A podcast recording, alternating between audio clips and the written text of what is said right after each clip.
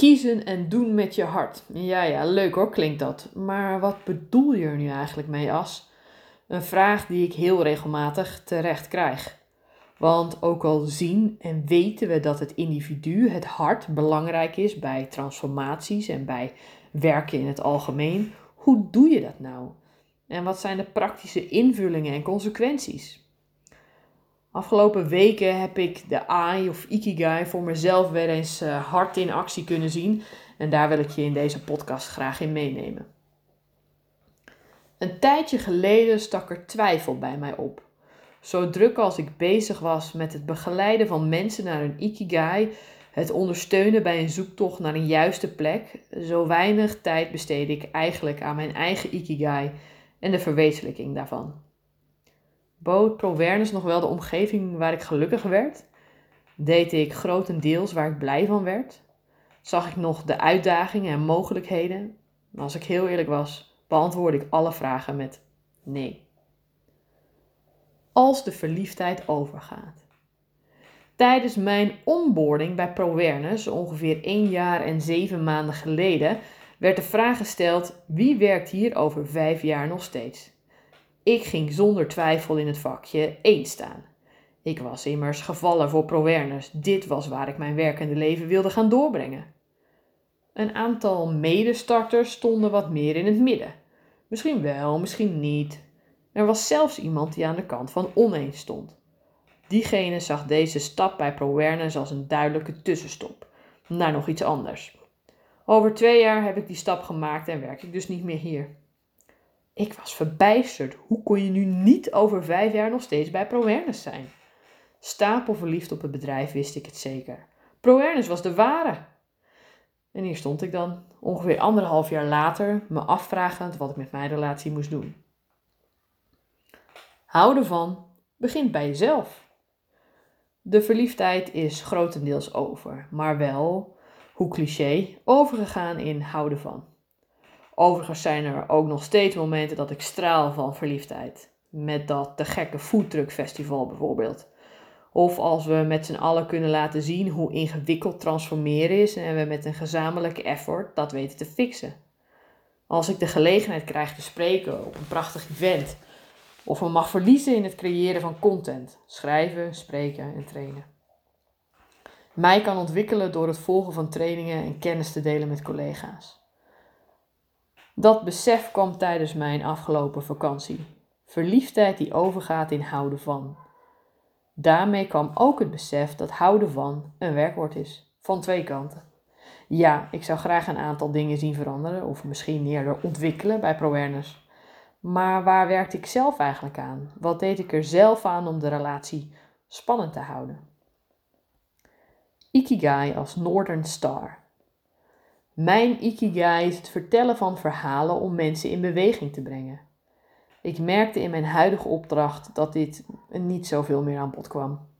Het stukje persoonlijke ontwikkeling, hulp bij het ontdekken en verwezenlijken van jouw eigen verhaal, was bij het grootste gedeelte van mijn dagelijkse werkzaamheden op een lager pitje komen te staan.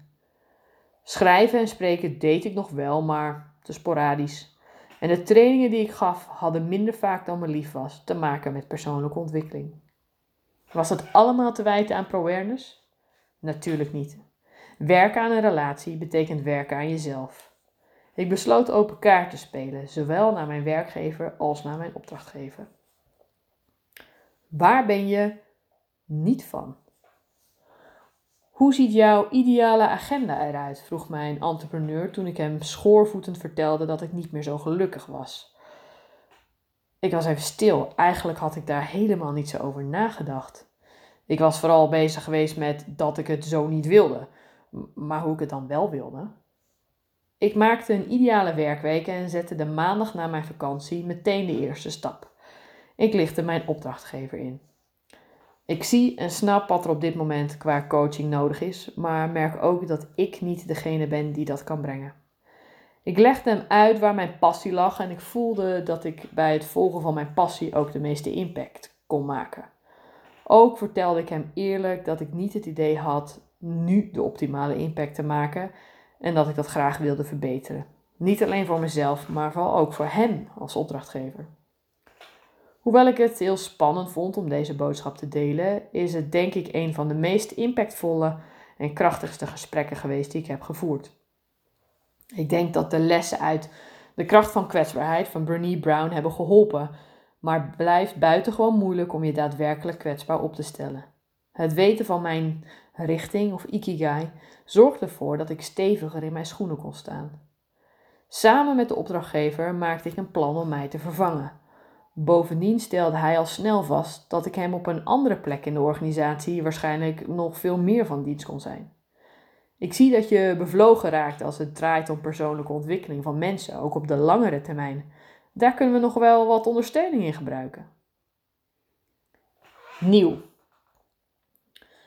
Binnenkort zal mijn uh, nieuwe agenda ingaan. Ik ga de opdrachtgever ondersteunen in een rol als chaptercoach. Het coachen en begeleiden van individuen om zo gelukkig en succesvol te zijn. Daarnaast is het schrijven van een eerste boek daadwerkelijk gestart. Samen met een aantal fantastische inhoudelijke collega's mag ik het meest praktische handboek Agile Transformeren gaan maken. Tot slot heeft het werken aan mezelf en mijn werkrelatie geleid tot nieuwe energie. Ik organiseer diverse evenementen, mag bij diverse bedrijven komen spreken over geluk en succes. En ik heb weer de energie gekregen om me naast werk bezig te houden met het schrijven en becommentariëren van voetbalwedstrijden. Nog lang en gelukkig?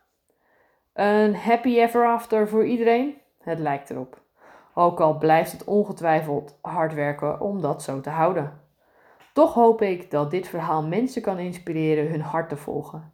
Ik ken talloze verhalen van mensen die door het volgen van hun ikigai gelukkig en succesvol in het leven staan. Die verhalen probeer ik zoveel mogelijk te delen. Binnenkort hoor je dan ook de podcast met Gea Peper hierover. En ik help je graag met het vinden en volgen van je ikigai. Ook in de praktijk. Niet alleen als mooi mantra voor aan de muur, maar ook in het leven van alle dag.